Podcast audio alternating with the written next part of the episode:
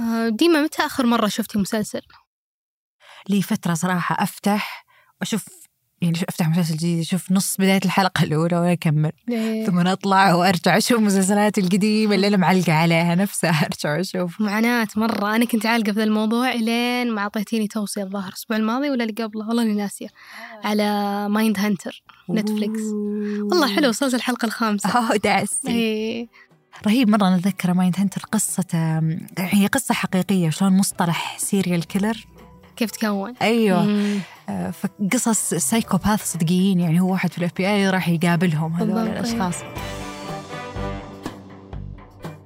هذا بودكاست الفجر من ثمانية. بودكاست فجر كل يوم نسرد لكم فيه سياق الأخبار اللي تهمكم.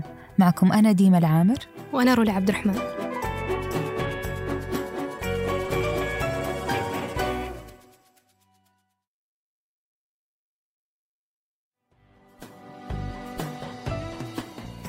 من مئات السنين والبشر يبحثون عن وسائل تساعدهم في حفظ الأغذية.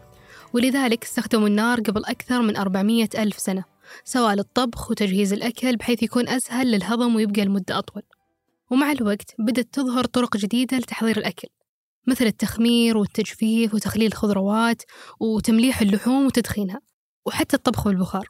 وصارت هالأطعمة المعالجة أو المصنعة جزء أساسي من النظام الغذائي للإنسان. فالملح مثلا صار أكثر مادة شائعة مستخدمة في حفظ الأكل في العالم وساعد اكتشاف تقنية البسترة في 1864 في انتشار الأكل المعلب وعموما ساعدت عملية المعالجة هذه في أن الأكل يبقى لمدة أطول وبالتالي بتنخفض نسبة الهدر للمواد الغذائية وبرضه بيسهل نقل الأطعمة لكن في الوقت الحالي أصبحت بعض الأطعمة المصنعة ضارة جدا بالصحة ولها تأثيرات سلبية. وفيها الأسبوع نشرت صحيفة الجارديان دراسة تقول أن الأطعمة المعالجة ممكن تسبب ارتفاع في ضغط الدم وأمراض القلب والسكتات الدماغية لا قدر الله. وذكرت الصحيفة أن نتائج الدراسة تعتبر مثل جرس إنذار الحكومات حتى تبدأ في إجراءات تساعد بأنها تقلل من الأطعمة شديدة المعالجة. وارتفع الاستهلاك العالمي للأكل المعالج في السنوات الأخيرة بشكل كبير جدا خصوصا الحبوب والمحليات والبروتين الصناعي والمشروبات الغازية والوجبات السريعة. ففي بريطانيا وأمريكا يتكون أكثر من نصف النظام الغذائي حاليا من أغذية فائقة المعالجة واللي هي عبارة عن أغذية معظمها مصنوعة من مواد مستخلصة من الأطعمة نفسها مثل الزيوت والدهون والسكر والنشا ومكونات غذائية مثل الدهون المهدرجة واللي يميز الأطعمة فائقة المعالجة أنها تتغير لدرجة كبيرة جدا فهي تتحول كيميائيا لمنتج مختلف عن الأكل الطبيعي والكثير من هذا الأكل يصنع حاليا في المختبرات. ويستخدم فيه معززات النكهة الاصطناعية والألوان والإضافات الغذائية. وأغلب هذه الأطعمة مطعمة بالمواد الكيميائية والمواد المضافة حتى تحسن من اللون والنكهة والملمس ومدة الصلاحية بعد. وتعمل هالمواد المعالجة بشكل عام على زيادة نكهة الأطعمة وكثافة السعرات الحرارية. في المقابل تلعب دور في إضعاف القيمة الغذائية وإزالة الألياف المهمة والفيتامينات والمواد المغذية اللي يحتاجها جسم الإنسان. وأصبح اليوم في علاقة بين هذه الأغذية والالتهابات الحادة. وبسبب هالشيء صار جسم الإنسان المستهلك لهذا النوع من الأكل عنده صعوبة في إنه يكافح الفيروسات والأمراض. وبحسب الباحثين ففي صلة كبيرة بين الأمراض المزمنة والأكل المعالج. والأمراض المزمنة اللي نقصدها هي مثل السرطان والتهاب المفاصل وأمراض القلب والأوعية الدموية والسكري. وتستفيد الكثير من الشركات العالمية من قطاع الأغذية المصنعة خصوصا مع المنافسة الشديدة والسوق الضخم اللي توسع بشكل كبير. وبحسب مجلة فوربس احتفظت شركة نستلا بلقب أكبر شركة أغذية في العالم محتفظة بالمركز الأول في الصناعة بمبيعات تزيد عن 93 مليار دولار.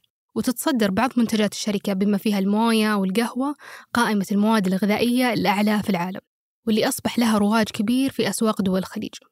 ويوجه الخبراء والأطباء الناس بضرورة التقليل من الأغذية المصنعة والمعالجة من خلال استبدال الحبوب المكررة بالحبوب الكاملة.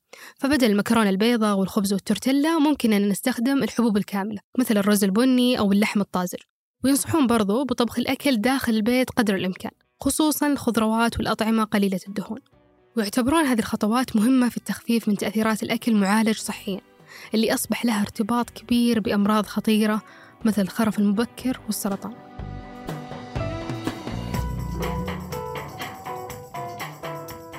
قبل ننهي الحلقة هذه أخبار على السريع.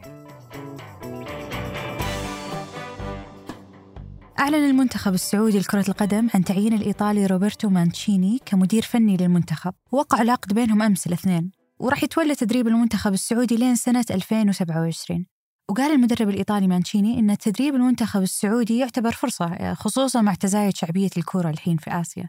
وذكر أن وجود بعض أفضل اللاعبين العالميين في دوري المحترفين دل على شيء فهو على إمكانية النمو وتطور الكرة السعودية.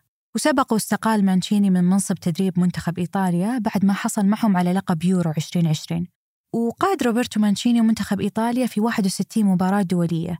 فاز فيها في 39 مباراة مقابل هزيمة في 9 مباريات. وحقق تعادل 13 مرة. أعلنت شركة أديس القابضة اليوم نيتها للطرح العام الأولي وإدراج أسهمها في السوق الرئيسية لتداول السعودية. وراح تطرح الشركة نسبة 30% من رأس مال الشركة. والشيء المثير هنا هو أن الطرح ممكن يجمع مليار دولار يعني أنه بيكون أكبر الاكتتابات في السوق السعودي هالسنة. والشركة تعمل كمزود لخدمات الحفر والتنقيب في قطاع النفط والغاز الطبيعي بمنطقة الشرق الأوسط وشمال أفريقيا برضه وفي 2021 تحالف صندوق الاستثمارات العامة مع كبار مالكي أديس الاستحواذ على الشركة في صفقة قيمت الشركة بحوالي 516 آه، مليون دولار. وقالت الشركة بأنه راح يتحدد السعر النهائي لأسهم الطرح في يوم الاثنين 18 سبتمبر 2023 وهالإدراج يخلي السعودية في مقدمة الأسواق أكثر نشاطا من ناحية الحجم في الاكتتابات الأولية. في إنجاز تاريخي سعودي حققت بطلة الراليات السعودية دانيا عقيل المركز الثالث في كأس العالم للراليات في بولندا. وحصل المتسابق الكويتي مشاري ظفيري على المركز الأول في الترتيب العام لفئة T3 ضمن السباق. وهالإنجاز مو بالأول دانيا فهي تعتبر أول امرأة سعودية وعربية وبرضو عالمية تحصد بطولة كأس العالم للراليات الصحراوية. وبرضو حصلت على المركز الأول في كأس العالم للراليات الصحراوية فئة T3 في إيطاليا في سبتمبر 2021